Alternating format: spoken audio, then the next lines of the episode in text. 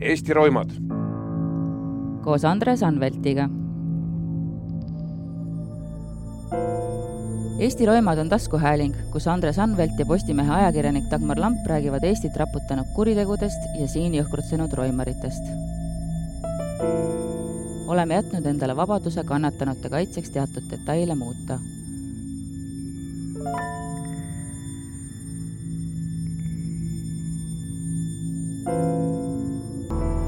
Estonia hukkumise ajal oli kolmekümne ühe aastane Igor Kristapovitš tolliameti peadirektori asetäitja.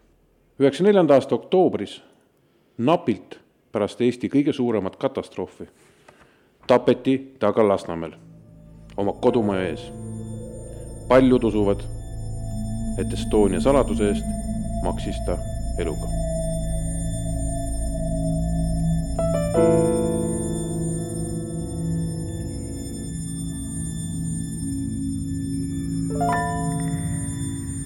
head Eesti Roimade kuulajad, mina olen Dagmar Lamp ja minuga on stuudios Andres Anvelt, tere.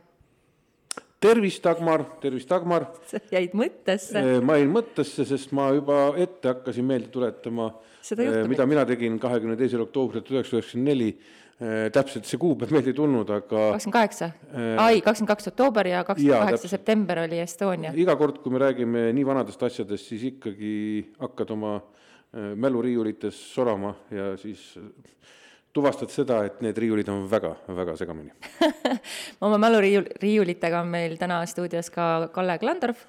tere! kes on praegu Tallinna abilinnapea ja endine väga paljude asjade, tähtsate asjade tegija. kui, mi-, mida sa tegid üheksakümne neljanda aasta oktoobris? üheksakümne neljanda aasta oktoobris ma töötasin äh, nii-öelda turvafirmas SIA. nimetame seda turvafirmaks, tegelikult see oli eradetektiivibüroo mm,. kui põnev. väga põnev. issand, kui põnev. ma olen, ma nüüd kohe kaldun kõrvale sellest teemast, mis meil on, sest et ma olen kogu aeg mõelnud, et, et kuidas saaks Eestis eradetektiivibürood luua ja kui palju meil Eestis on üldse eradetektiivibüroosid, kas sellel on mingi seadus no,? see oli ka, tollel ajal oli see kaootiliselt loodud ja ega tänagi vist päris täpset seadust ei ole, see on kaua olnud Äh, siseministeeriumi menetluses kaua-kaua-kaua, ma mäletan, kui ma olin veel siseministri nõunik üheksakümmend viis, siis oli ta menetluses meil ja ta pole kuhugi jõudnud. et eradetektiivid, noh, me nimetame neid eradetektiivideks, ega, ega see üheksakümne neljanda aastalgi ja üheksakümne kolmandal, kui me olime nii-öelda eradetektiivid, siis ega me ametlikult ei olnud, me olime ametlikult turvafirma töötajad ja turvafirma oli SIA. aga tegelikult me tegelesime detektiivitusega. oli veel teine turvafirma, tollal kuulus ESS, see SIA oli ESS-i tütarfirma nii-öelda, kes tegeles detektiivi poolega poolega, ESS tegeles valve poolega.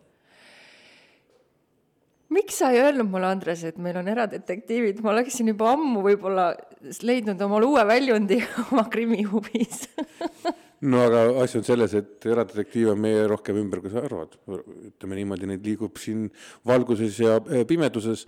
Eh, tegelikult eh, põnev ei, tegelikult on asi väga lihtne, et on inimesi olnud ja jääb alati neid inimesi, kes on valmis ütleme siis teisi abistama, tegema seda tööna selleks, et täita need tihtipeale lüngad, mida, kuhu politsei ei jõua. see on täitsa normaalne, see, et kas teda on Eestis vaja seadustada või mitte, ma olen ise eri rollides, nii justiitsministri, siseministrina on seesama eelnõu veel peaaegu kakskümmend aastat hiljem jälle taas lauale tulnud.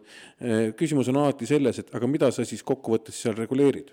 sellepärast, et litsentsi väljaandmine hirmutab jälle väga paljud need, kes detektiivindusega tegelevad eemale, sellepärast et et see seadus on olnud küll erinevas tekstis, aga on olnud selline, et kui sa oled ametlikult eradetektiiv, siis võib näiteks iga kell sinu juurde sisse marssida konstaabel, piirkonna konstaabel ja kõik su toimikud läbi vaadata. siis kuhu kaob sinu siis, nagu öeldakse, siis seesama äh, kliendi kaitse ja kõik muud asjad. ja selle balansseerimise öö, äh, või tasakaalustamise probleemi taha on see eradetektiivinduse reguleerimine Eestis pea juba varsti, ma pakun välja, kolmkümmend aastat eh, edasi-tagasi liikunud ja ma arvan, et ta kuhugi vist arvatavasti ei jõuagi ja ei peagi jõudma, sest on asjad, mis eh, eh, võib-olla ülereguleerimise puhul muutuvad mõttetuteks. aga ikkagi nii tore. tegelikult päris üks diplomeeritud või õigemini litsentsiga eradetektiiv meil oli ja see oli, ma arvan, et sa ei arva ära, kes see oli. ja ma ei tea, ma ei mäleta, kuidas ta selle litsentsi sai, aga ta on mulle näidanud seda ja no oli ametlik, oli Aadu Luuberg. peale seda, kui ta prefektist ära tuli, ta läks küll äh, advokatuuri, aga mingil hetkel ta tegi ka eradetektiivi litsentsi. mingisugune väike vahe oli, kus nagu hakkas seadus kehtima ja keegi ikkagi andis selle litsentsi välja, aga nii huvitav, kui saab olla, nii et tema litsentsi ma isegi olen näinud.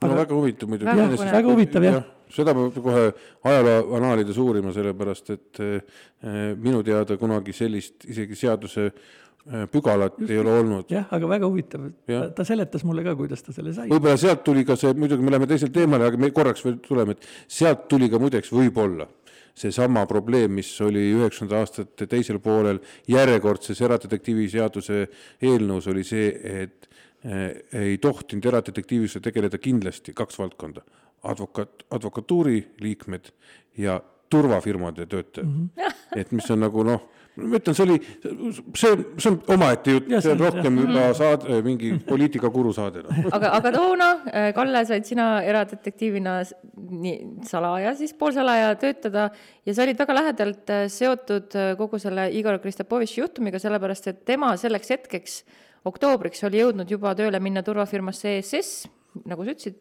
tütarfirmas töötasid sina. jah. räägime siis selle oktoobrikuu õhtu kõigepealt äh, läbi, ilmselt teadsid sina kohe, kui sündmused hakkasid toimuma? jah, kõigepealt võib-olla ma ütleks mõni sõna Igor, Igor Kristapovitši kohta, kes ta oli, sest muidu me räägime, räägime, aga võib-olla raadiokuulajad ei teagi tegelikult, kes ta on. et vaatamata mu noorusele oli siis, ta oli tuntud isik erinevates eriteenistuse ringkondadest ja mikspärast. Ta oli lõpetanud kiitusega Moskva Dzeržinski nimelise KGB kõrgema kooli ja nõukogude ajal ta suunati tööle siis siia Tallinna tolli ehk siis julgeolekukomiteega kureeris äh, tollitööd meil, äh, vaadates, mis kaup läheb laevadele ja, ja nii edasi, mis, mis laevadel toimub.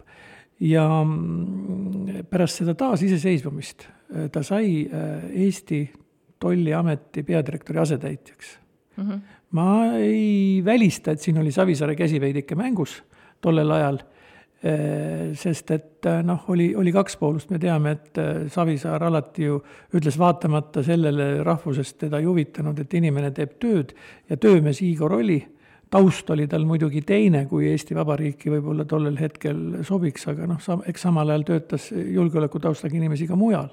Mm. -hmm ja mm, siis tolliametist ta lahkus üheksakümne kolmanda aasta lõpus päris, sest siis tuli see variant, kus plats tehti puhtaks ja siis tehtigi plats puhtaks äh, ka nii, nii-öelda vanadest ja, ja nendest, kes ei sobinud oma tausta pärast Eesti, Eesti Vabariigi riigiteenistusse.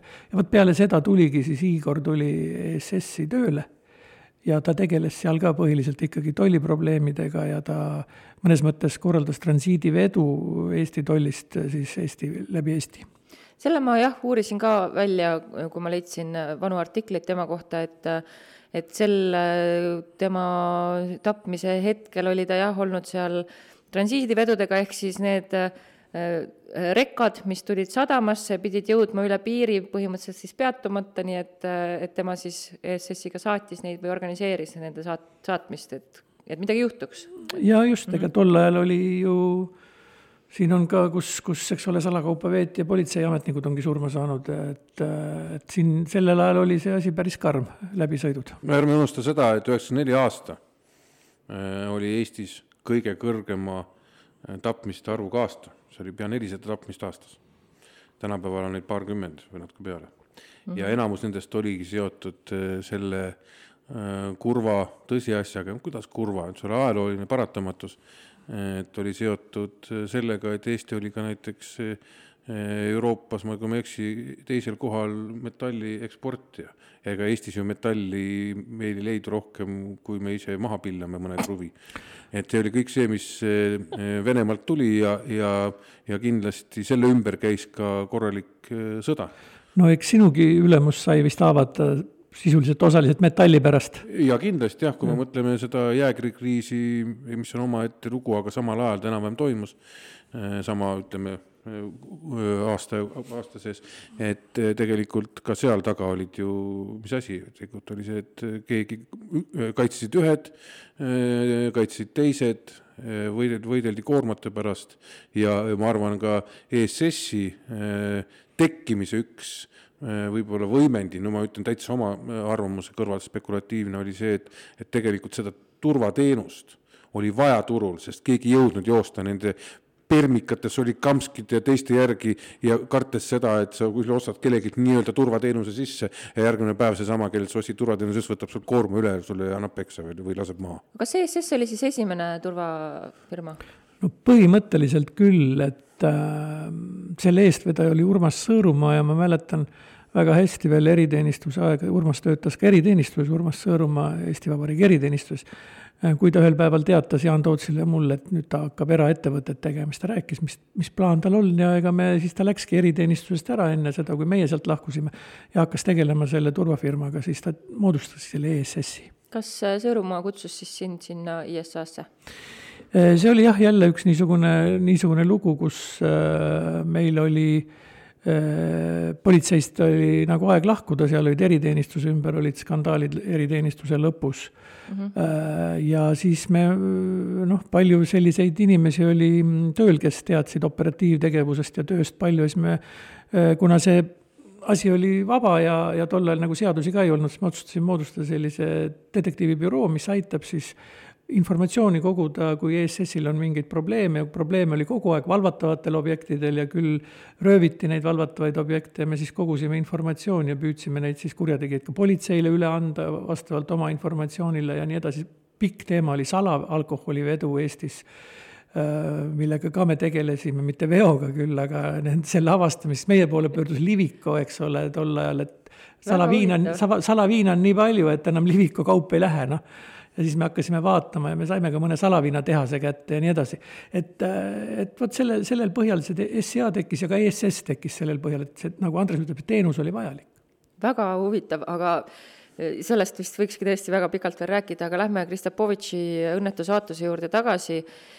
Ehm, üks skandaal, mis mulle veel silma jäi, mis toodi võimaliku motiivina välja, me muidugi pole veel Mõrva õhtust veel rääkinud, aga see siis eelnes äh, ESS-i minekule, et tolliametist oli siis äh, õigemini Tallinna sadamasse oli saabunud viisteist tuhat Makarovi püstolit, toll oli need konfiskeerinud, äh, kuna püstolid olid registreeritud sportrelvadena, aga siis relvi tarninud firma neid tagasi ei saanudki ja kõlakate kohaselt siis jagati püstolid kiirelt laiali kõikidele, kes seal ümber tiirlesid ja hinnanguliselt siis viiekümne miljoni krooni väärtusega tehing ja, ja siis oli küsimusi, et kas Kristapovitš oli selle püstoliafääriga seotud ja kas keegi äkki oli tema peale pahane. et see oli siis üks võimalikke motiive, aga lähme siis nüüd selle oktoobriõhtu juurde. Kalle, mida sa sellest mäletad? konkreetselt tema tapmisest, et ähm, ma, ma olin, ilmselt olin kodus juba sellel, kui mulle helistati ja öeldi, et Igor on äh, ära tapetud, maha lastud ja loomulikult ma ja kus kohas, tema kodu juures ma võtsin auto ja sõitsin sinna koha peale ja siis koha peal oligi siis selline vaatepilt, nagu siin me oleme ka rääkinud, et äh, Igor oli Kukla, Kuklalasuga tapetud ja, ja, ja ilmselt oli siis auto, auto kummiga midagi viga. Siin on erinevad versioonid, minu, minu, minu meele, me, mäletamist mööda oli siis, on selline versioon, kus oli kõigepealt oli koeraga väljas, koera ta oli pannud tagaistme peale, et seda kummi hakata siis parandama või midagi vaadata selle kummiga, koer istus tagaistme peal mm. -hmm. ta saatis oma külalised välja, võttis koera, et jalutada, pani koera tagaistme peale, kui märkas, et kumm on tühi. ja väidetavalt oli üks, üks versioon on selline, ma praegu täpselt ei mäleta, et oli tikk pandud äh, niplisse ja selle kaudu õhk välja lastud mm. -hmm Äh, ja nüüd ta hakkas äh, võtma tööriistu, otsis autost, et võtta, võtta see tikk ära sealt eest ja siis noh, kas kumm täis pumbata või vaadata, mis edasi teha ja siis selja tagant talle, talle läheneti ja, ja tulistati teda. huvitav, et tal ei äh, tekkinud mingit kahtlust, et või noh, et, et ta jäigi sinna asjatama, et ohtlik aeg oli ju ilmselgelt ja ta oli ju ikkagi õppinud ja tal oli vastav taust olemas, et film, noh, või noh, fil-, filmides filmides on jah, et, et kui aga kui inimene on sellises rahulikus olekus ja ütleme, et antud hetkel Kodumaja jah, ees. kodumaja ees ja nagu ta ilmselt ei tule, oleks ta võib-olla natuke mõelnud ja ja natuke kuidagi mingisugused asjad teda häirinud, kui ta väljas oli, ta oli just oma sõbrad ära saatnud ja nagu noh, siis oleks ta võib-olla märganud. no ja kindlasti on võib-olla ka see, et mis näitab, no ütleme, see on puhas versioon muidugi see, et, et, et kui sul noh, kumm on tühi, on see tikk või kuidagi teistmoodi, eks ju, sul oli hämar aeg, ega sa ei näe ka seda kohe, sa näed, et kumm on tühi. ja kui sul ei ole, ütleme sama või eelmise või ütleme väga lähedal päevadel olnud mingisugust tõsist surmaga ähvardamist, kui see asi ongi natuke kaugem, ega inimese ohutunne ju tegelikult eh, no sa ei saa elada niimoodi. sa ei saa elada, ta läheb ja kui sul on kumm tühi, noh, siis Ikka eh, juhtub. ikka juhtub eriti arvestades, mis kummid tol ajal olid. aga, aga jah eh,, oli teda kuklasse tulistatud ja sinna jõudsid kohale umbes samal ajal kui politsei, natuke hiljem. ma arvan, et ma jõudsin enam-vähem politseiga ühel ajal.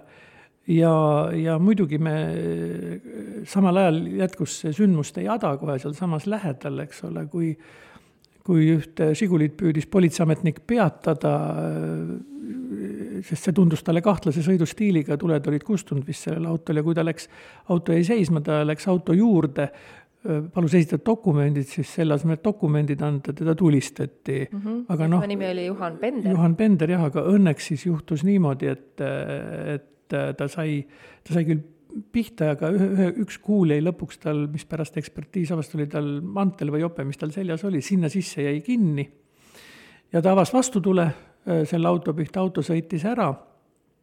aga pärast, mis siis selgus, kuidas seda kahte nii-öelda kuritegu seostati, oli, teema oli selles siis, et lahkamise käigus leiti Kristapovitši kehast veel üks kuul see, mis talle kuklasse lasti, pähe lasti, see oli täiesti lö-, lömastanud, see kuul, ja see oli, seda ei olnud võimalik ekspertiisiga enam tuvastada mm, -hmm. aga lahkamise käigus leiti tal kuul. Ja, ja ka kuul oli mantlisse jäänud, selle politseiniku mantlisse oli kuul jäänud. Ja nüüd need kaks kuuli pandi kokku ja selgus, et on ühest ja samast relvast tulistatud. Ja see relvaks oli TT ja ilmselt summutiga TT nii et siis oli selge, et seesama Vass kakskümmend üks null kolm, mida nägi Juhan Pender, oligi sündmuskohalt tulnud just Kristapovitši surnuks tuli. selline versioon, selline versioon oli. No,. ja kohe ka saadi vist enam-vähem, õige pea saadi kätte auto omanik, kes väitis, et ta oli ühele oma tuttavale andnud selle auto kasutada, eks ole, et omanik oli ise kodus sel ajal ja jah, aga mina ei suutnud ka rohkem välja kaevata, et mis sellest autoliinist sai, igal juhul mida sina edasi tegid? sinul ilmselt ka ju lõid vanad instinktid või mis väga vanad nad ei saanud ju olla, täisjõus mees uurija. noormees. no jah, noormees uurija, et mis olid sinu esimesed tegevused?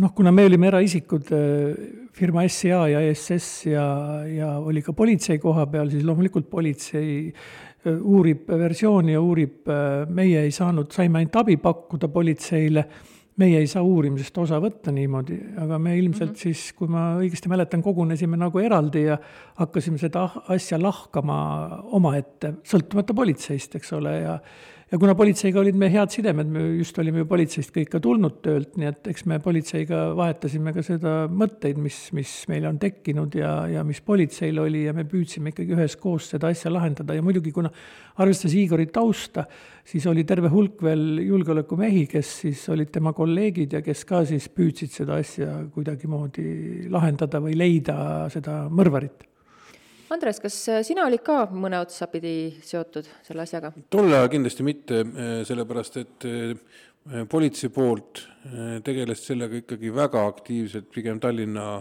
politseiprefektuur. keskkriminaalpolitsei no oli kindlasti kursis ja aga otsest sellist igapäevast noh, ta ei juht-, ei juhtinud uurimist, ütleme niimoodi mm. -hmm. aga kindlasti muidugi selline asi oli teada ja ja, ja kui meie tol ajal proovisime ikkagi seda kuritegelikku maailma kaardistada niimoodi üldisemalt, eks ma töötasin siis Koit Pikaro poolt juhitavas organiseeritud kuriteosakonnas, selge on see, et me proovisime seal olla võimalikult lähedal, aga otsest jah, seda uurimise kui sellise tegevustega me igapäevaselt kokku ei puutunud jah, Andresel ja Keskkriminaalpolitseil olid üleriigilised ülesanded ja nagu Andres siin ennem mainis, oli ju nelisada mõrva üle riigi aastas, eks ole, ja siis neid oli ju vaja ka uurida ja ega siis Tallinnas oli suhteliselt tugev kriminaalpolitsei, aga maakondades ja rajoonides oli ta tunduvalt nõrgem. ja siis Keskkriminaalpolitsei andis abi ja sõitis mööda riiki ja aitas neid teisi osakondi siis. kui see oli nüüd kõige verisem aasta, kas ja kui palju Kristapovitši tapmine üldse üldpildis silma paistis? et kui see oli ka vahetult pärast Estoniat, avalikkuse tähelepanu oli tõenäoliselt täiesti mujal, et äh, kas või kui palju? no selge oli ju algusest peale näha, et see oli tellitud mõrv või palgamõrv või kuidas me seda nimetame, et see ei olnud mingisugune kodumehe ja naise vaheline või purjus seltskonna kaklus et seal oli selgelt tellitud mõrv ja siis seda liini mööda pidigi hakkama asja arutama, et tellitud mõrv ja nüüd oli vaja need põhjused leida ja tegelikult noh, meie jaoks, ma, ma nüüd räägin SCA eest siin, sest ma mm -hmm. politsei eest ei räägi, tekkis kolm versiooni, nendest kaks olid ka ametlikud versioonid, aga ühte uuriti ka politsei poolt, ma tean, ja meie poolt ka mitteametlikult. ja kui me räägime versioonidest, siis oli kolm versiooni, üks oli salaalkohol kindlasti sellest ma räägin ka kohe. Mm -hmm.. seesama relvakaubandus, mida sa nimetasid alguses, meie mm -hmm. jutu alguses, ja, ja kolmas kõige noh, võib-olla ebatõenäolisemana tunduv oli siis Estonia hukk, äh, mida praegu lihtsalt on võimalik ainult ähm, rääkida, arvamusi ainult äh, spekuleerida, spekuleerida, jah. aga räägime siis nendest versioonidest ühekaupa um, kõigepealt võib-olla räägiks siis salaalkoholist, et ähm, siin oli äh,, võeti Vene, Vene poole peal võeti ära üks suur kogus äh, salaalkoholi, et ähm, ja seda, seda kaupa siis saatis Vene poolele ESS, mis läbi Eesti läks, aga see oli salaalkohol. Ja mm, Eesti-Vene piiril siis peeti kinni mõni, mõni kuu enne Kristapovitši surma ja, ja nüüd arvatakse, et see Kristapovitši mõrv oli siis salaalkoholivedajate kättemaks talle Äh, et see, et see alkohol ära võeti. see oli siis niimoodi, et ESS äh, saatis, saatis jah, teadmata, mis on ja. või tõenäoliselt? ei no tõenäoliselt teati, et on alkohol, aga kas ta salaalkohol on, ma arvan okay., tõenäoliselt. aga Eesti poolt Venemaa poole Eestimaa poolt Venemaa poole peale, aga Vene toll võttis selle ära, selle alkoholi, Eestist Aha. läks ta üle mm, -hmm. Vene pool võttis ära ja nüüd need ähm, salaalkoholi vedajad kahtlustasid selles, et ESS, Kristapovitš, Venemaa võttis ära side Venemaaga, julgeolek ja ei, ühesõnaga. ja siis ta veel ei olnud või enam ei olnud tollis tööl? ei, ei, aga noh. aga noh, arvati, et jah. no ta jumal, selles mõttes tema Venemaa toll ja tema, noh, selles mõttes see oli. ta ju oli tolliameti ülemasetäit eelnevalt, eks ole mm, -hmm. ja, ja side ikkagi Venemaaga tol ajal ikka, vaatamata riikide erinevused, ikka side oli ikka kõva veel tol ajal, eks ole, praegu on meil sidemed võib-olla nõrgemad. no vot ja, ja siis ähm, äh, politsei versioon oli ka selline üks versioonidest, sest see oli küllalt, äh, küllalt äh, niisugune tegus, et tollis vahele jäi see salalkohol, seda meie ajakirjanduses ka kirjutati. ja politsei alustas läbiotsimisi teatud äh, hulgifirmades, kes tegelesid alkoholiga Mm -hmm. ja, ja sealt leiti siis igasuguseid asju nendest ühest firmast, mis oli ka põhiline siis tolleaegne kahtlusalune, et läbi selle firma, selle firma alkohol võeti ka ära et sealt siis toimusid see kättemaks.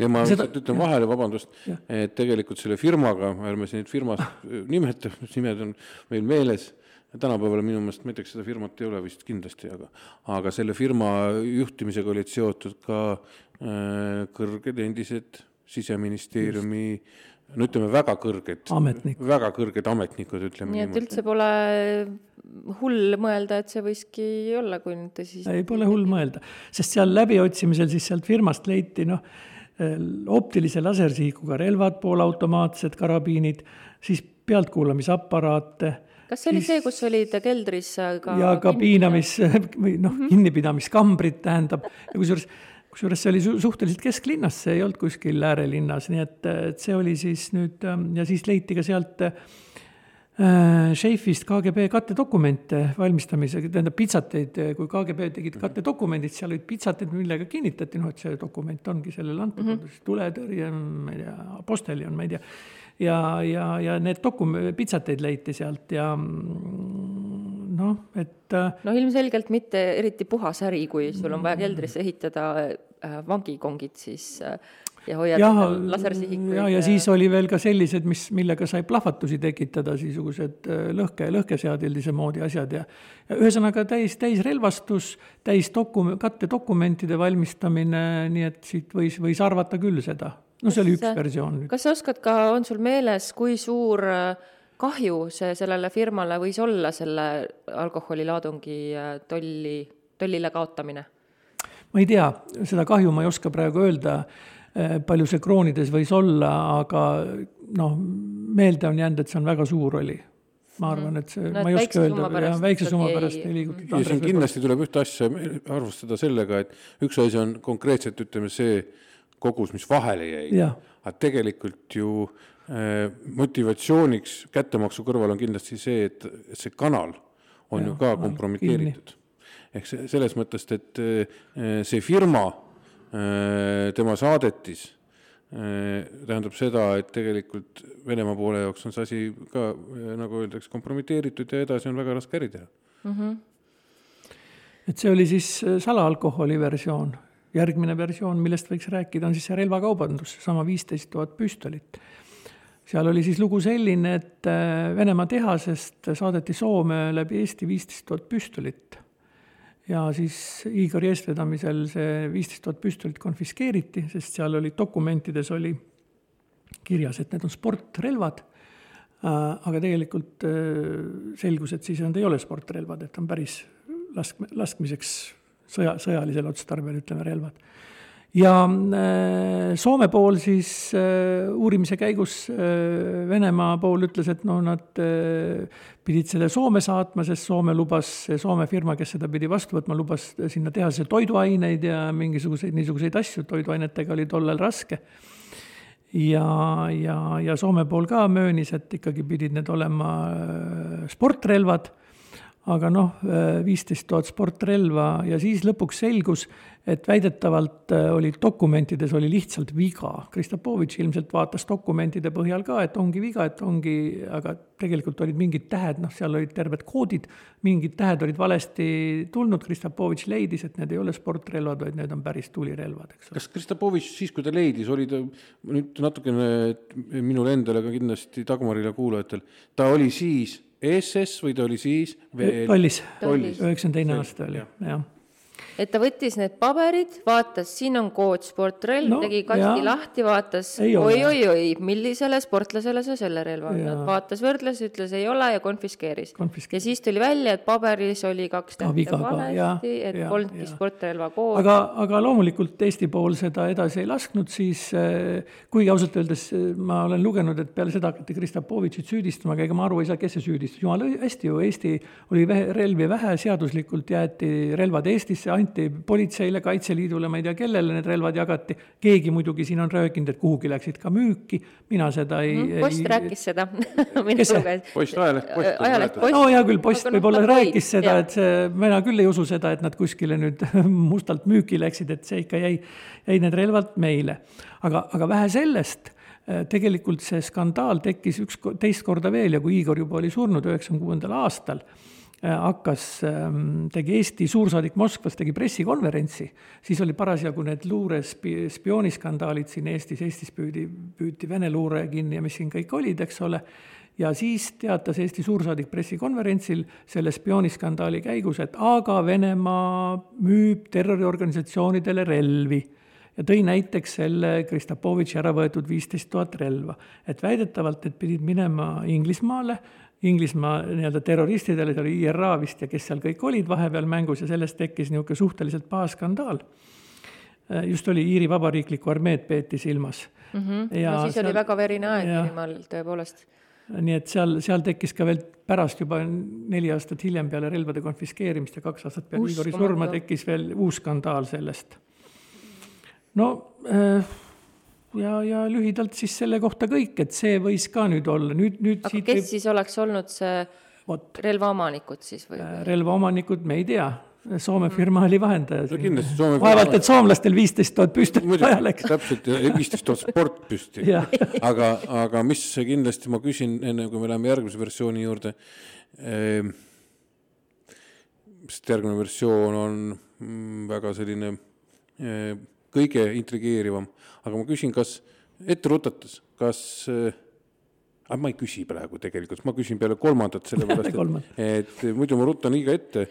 ma ikkagi äh, tahan rääkida sulle vahele siis sellise loo, kuidas äh, üks meie kuulaja kirjutas mulle, et, et talle meeldib äh, Eesti Roimade saate juures kõige rohkem see, kuidas Andres küsib küsimuse ja siis ise vastab ise sellele praegu sa hakkasid küsimust küsima, ei küsinudki, aga rääkisid sellest väga pikalt. tal läks äkki vastus meelest ära ei, ei, ei, tegelikult ma arvan, et, et Kristapovitšist selle vaatenurgast, mida ma tahtsin küsida, räägime hetk hiljem, aga. ma lõpetaks selle relvakaubanduse selles mõttes ära, et kui sa küsisid nüüd, et kes see võis siis ta, nii-öelda tema mõrva tellija olla või noh, eks siis see lõpp-punkt, kui rahad olid makstud kuhugi, eks ole, eks see lõpp, lõppkättesaaja, see võis olla üks, eks ole, siis võis olla Vene pool ja siis mm -hmm. kui me vaatame, et see asi muutus ka poliitiliseks, eks ole, siis võis olla ka mingisugune poliitiline mõõde, aga no need on väga niisugused no, jah, otsitud. otsitud asjad, et me, me ju ei tea seda. väga sihuke, tundub väga konkreetsete. no alkohol, ma ütlen veel kord, paneb kanali kinni, aga kas relvas oli see mingi kanal, mille ta siis,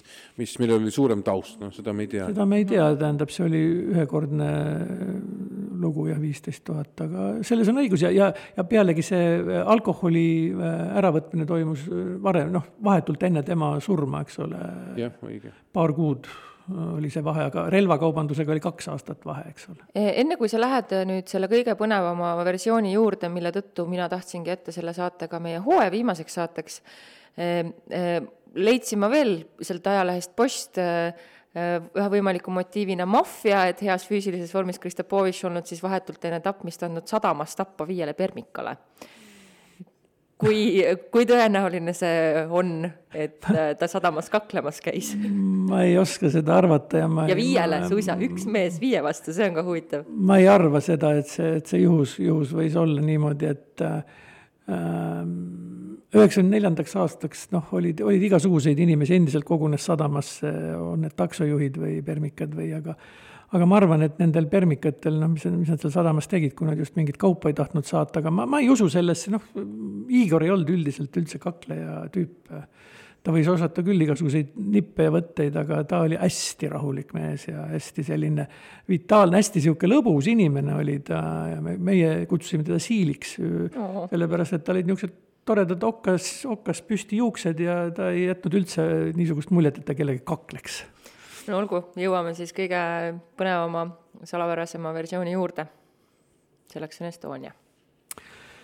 no kui, kui hakata nüüd kaugemalt peale, siis äh, nõukogude ajal töötas, nõukogude aja lõpus töötas Igor siis tollis, eks ole, katte all tolliametnikuna, tegelikult oli julgeolekukomitee ohvitser mm. -hmm ja sealt ta pääses ligi kõigile asjadele, mis siis oli seotud kaubaveoga Tallinna sadamast põhimõtteliselt, ilmselt ka Muuga sadamast või veel kuskilt äh, sadamatest, ega me täpselt seda struktuuri ei tea, kui palju tal korraga oli opereerida neid sadamaid, aga ega noh, põhiline kaubaveo toimus ikkagi Tallinna sadamast. ja, ja mm, eks ta oli kursis nii laevainimestega, eks ta tundis võib-olla kapteneid, tüürimehi ja ja, ja, ja muid inimesi, kes laevadel töötasid, eks seal oli oma, oma agentuur kindlasti laevadel ja kes siis aitasid äh, salakaupa avastada või midagi muud. Ja kui me räägime nüüd sellest Estonia hukust, siis siin on nagu, oli siis versioon selles, et ähm, Estonia koormas oli siis üle äh, saja kilogrammi heroiini ja nelikümmend tonni koobaltit, noh.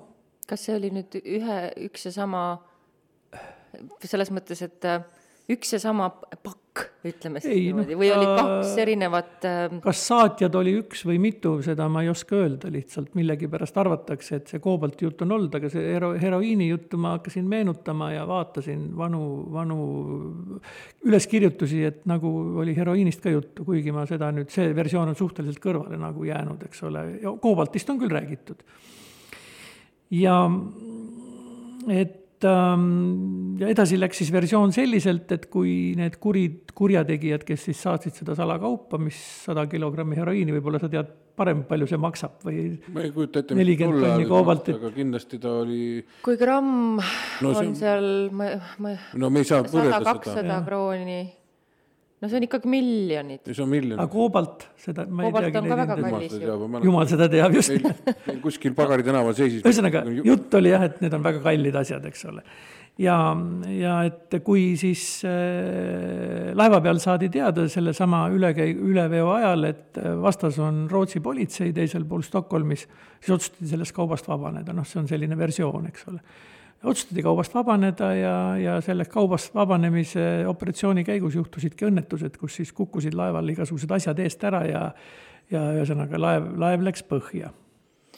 ma mõtlen, kuidas ähm, nagu, kuidas viska lihtsalt üle parda või, või kas seda, seda... päris ei viska, see kogu... no ei viska jah. ahah, kogused nii ja. suured, ahah, okei okay,, selge. tehniliselt ma ei oska öelda, see on lihtsalt niisugune versioon oli mm, -hmm. eks ole. Ja, ja siis veel väideti seda, et ähm, Kristapovitš omas seda informatsiooni kõike, mis seal laeva peal toimus, et väidetavalt ta oli kuulanud pealt kõnelusi siis laeva äh, sillaga ja kapteni sillaga, ma mõtlen, ja maaga. et Äh, kasutades oma julgeolekukogemust ja vahendeid ja erinevaid kanaleid, et väidetavalt oli ta siis teadlik, äh, et äh, nendest, see, pool, sellest poolest, kes olid need kurjategijad, kes proovisid üle vedada, siis kes laevas aitasid neid, aga seda ta ei teadnud, kes siis vastupidi võtma soov, Rootsis seda, see nagu ei ole teada mm. -hmm. no vot, ja, ja et sellega seoses, et, et et äh, see asi, operatsioon läks nässu ja võimalik, et ka Kristapovitši abiga kuidagimoodi, et siis seoses sellega ta tapeti. see on selline niisugune. aga äh, noh, sa ju tollel ajal, kui te samad, samades firmades või õigemini siis sõsarfirmades töötasite, äh, olid sa temaga vahetult enne või lähiajal kokku puutunud seal selle Estonia huku ja tema hukkumise vahepeal? noh, seal oli veel palju, palju muid asju, mis Estonia hukuga juhtus mm, oli, ega, ega siis äh, merelaevanduses tollel hetkel või Tallinkis vist oli see firma, töötas, töötas veel ka endisi julgeolekutöötajaid, äh, kes siis olid see, olid üks, üks mees, ma ei mäleta ta nime, ta töötas just selle kaubanduse peal, mis laevadel toimub, ametlik mm -hmm. kaubandus, kauplused toiduained. heroiinikaubandus. ei. ja tema oli siis ka üks nendest, kes, ähm, kes pidi, võis teada neid asju palju, eks ole, mis toimub laevade peal. aga selle mehega juhtus selline õnnetus, et äh, tema sai teadmata asjadel surma Venemaal ja ta toodi nii-öelda tinakirstus tagasi siia äh, see oli ka peale Estonia hukku, et ta läks Venemaale Koola poolsaarele lähetusse sadamasse kuhugi sinna toodi tagasi tinakirstus et sinna mõned otsad kadusid ka ära, nende, selle mehega ma ise olen rääkinud ka Estonia hukust ja ta oli väga mm,, arvas, et võidi küll salakaupa vedada, ta ei nimetanud salakauba, et koobalt või midagi mm, -hmm. aga üldiselt, et salakaubavedu no ilmselt see ei olnud ju väga haruldane tol ajal üldse, et see ei no kõik see pidi minema ju, me rääkisime just hetk mm -hmm. tagasi seda, et see kohutav voog, eks ju, kogu seda metalli mis tuli Venemaalt sõjatehastest, eks ju, see läkski, ega ta, kus ta minna sai, ta saigi minna kas üle laevade, äh, osad, eks ju, metallid on ka erinevad, osad on strateegilised metallid, osad mitte ja, ja, ja nii mhm. edasi. aga ma küsin, kas siis äh, kadunud Kristapovitš äh, nüüd ütleme selle kahe kuupäeva vahel äh,, kuu aja sees äh, peale Estonia hukku ja enne tema tapmist, kas ta ei väljendanud oma mingisuguseid, mitte ma ei sõna, kasutaks sõna hirmusid, aga oma emotsioone või teadmisi, mis Estoniaga ikkagi juhtus ei väljendanud, ei väljendanud hirmusi ega ei väljendanud midagi, aga siia puntrasse võib siduda veel ühe asja, võib-olla kui Estoniast korra rääkida, siis ma olen seda ka kirjeldanud oma ühes juturaamatus Estonia huku kohta. Minu juurde tuldi, tulid üheksakümnenda aasta sügise poole tulid äh, Venemaa sõjaväeluurest, see oli veel Nõukogude Liit, tulid minu juurde, ma just olin eriteenistusse läinud tööle ja tulid minu juurde äh, küsimusega koos Eesti julgeolekutöötajatega, küsimusega, et kas on kuulda, et või õigemini nende andmetel veetakse läbi Eesti välja mingisugust tuuma, noh, nimetame kohvriteks neid, nagu ma olen neid ka nimetanud. Mina tollel hetkel muidugi ei teadnud ja nagu olid muud tegemised ja ütlesin ei tea, nad palusid, et kui selline informatsioon tuleb, et nendel on informatsioon, et läbi Eesti veetakse välja tuumakohvreid, mis, mis niinimetatud tuumakohvreid, ma ei tea, kuidas neid täpselt nimetatakse, olid tõepoolest kaduma läinud Vene, Vene tuumahoidlatest. ja neid oli päris palju kaduma läinud, seal sadades isegi võib-olla ja, ja, ja, ja nemad, no ma küsisin, kuidas neid siis veetakse, nad ütlesid, no üks võimalus on laevaga, eks ole, sinna see jutt jäi, nemad läksid ära, mul olid omad tegevused, kõik see läks meelest ära, niikaua kuni siis Estonia hukkus. mida selle tuumakohvri all silmas peeti, ma ei oska öelda, aga noh, haiglane aju võib ju välja mõelda igast asju, siis kohe ma küsiks, et kui laev oli põhjas, et miks seda tahetakse betooniga katta siis. jah, minu, see oli praegu ka mu betooni sarkofaag on ju, eks ole, me teame, kus kohas on, Tšernobõlis alles nägime filmi, eks ole, kuidas sarkofaag tehti ja, ja. miks Estoniat on vaja sarkofaagi teha, jah, lõppkokkuvõttes sarkofaagi ei tehtud vist, ainult liiv ja kruus pandi sinna peale, aga noh, ikkagi. mõte oli ju teha see mhm. sarkofaag mm -hmm. sinna. nii et noh, sealt võib aretada igast asju, aga ma ei läheks väga, väga nüüd äh, kosmosesse nende asjadega aga, aga väidetavalt selline versioon oli, et Kristapovitš teadis salakaubavedu ja salakaubavedajate, ütleme siis nii lihtsamalt, salakaubavedajate kättemaks oli see. aga see tähendab seda, luba mul spekuleerida või ja. arvata, et eh, kui Kristapovitš ei teinud seda, nagu öeldakse, ESS-i ja SIA äh, teadmisel, siis tal võisid ikkagi olla mingisugused vanad sidemed ja ta neid nii-öelda realiseerimisi või ettehoiatamisi, no näiteks see salaalkohol äh, Venemaale või Venemaa relvad Soome läbi ei tea kuhu, et tegelikult töötas mingis teises süsteemis veel jätkuvalt edasi ja sellepärast ta ei olnud ka võib-olla avameelne, mitte avameelne, no ma ei tea, kui ma oleksin kursis sellega, ma olen ühes töökollektiivis, eks ju, meil on tõsine detektiivibüroo, me seisame üksteisel seljas mitte niisugune kujuteldav nagu minu peas. ja, ja, ja, ja ma tean, et Estonia läks põhja ja mul on tõsine kahtlus, mispärast ta läks või ma isegi tean, mispärast ta läks, siis ma oma lähimatele räägiks seda. ma juhin ühele asjale veel tähelepanu, vot võib-olla sina tead seda paremini või oskad, oskad öelda, kus need asjad võiksid olla.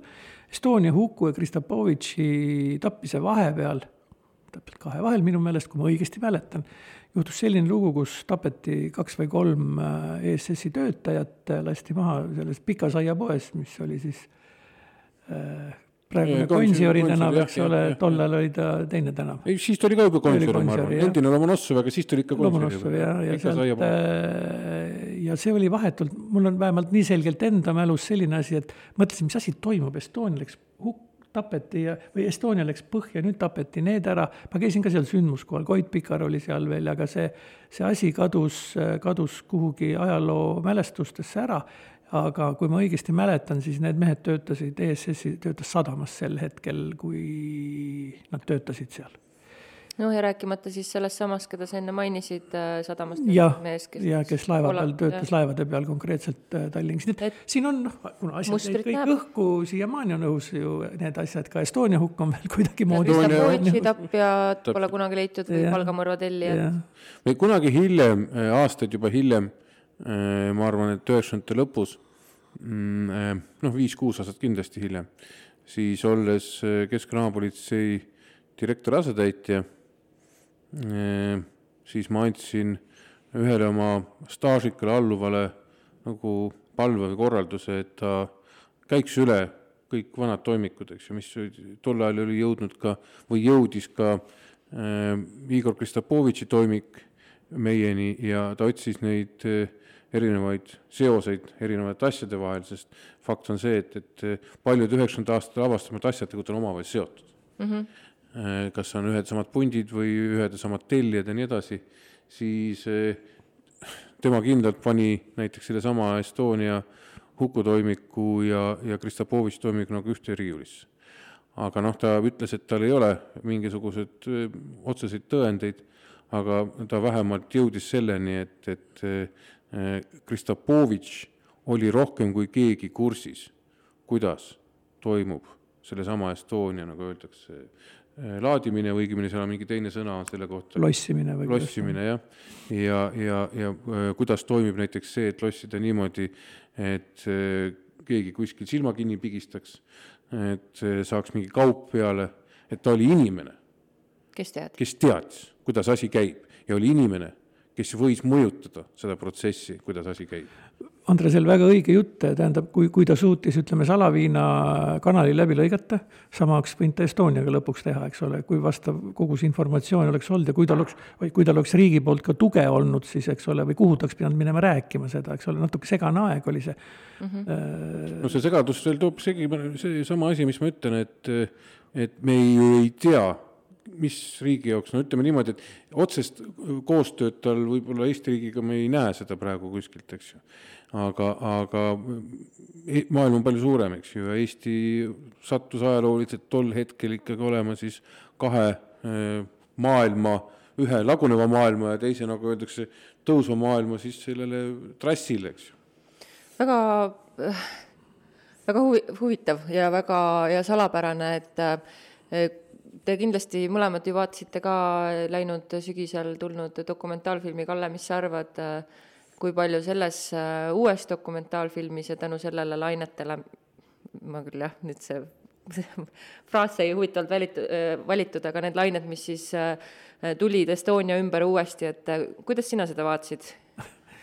eks ta, eks ta muidugi oli, oli huvitav ja hariv ja, ja ja muidugi see, et seal on kuskil mingisugune auk tekkinud ja nii edasi ja nii edasi, et see kõik, kõik on huvitav, aga noh, on asi, millesse ma ei usu ma ei ole veendunud, mis ma ei usu, us-, usk on usk, et eh, ma, ma ei ole veendunud, et kui räägitakse siin pikalt-laialt, Estonia sõitis põhja Rootsi allveelaev, siis seda ausalt öeldes, seda versiooni ma väga ei usu.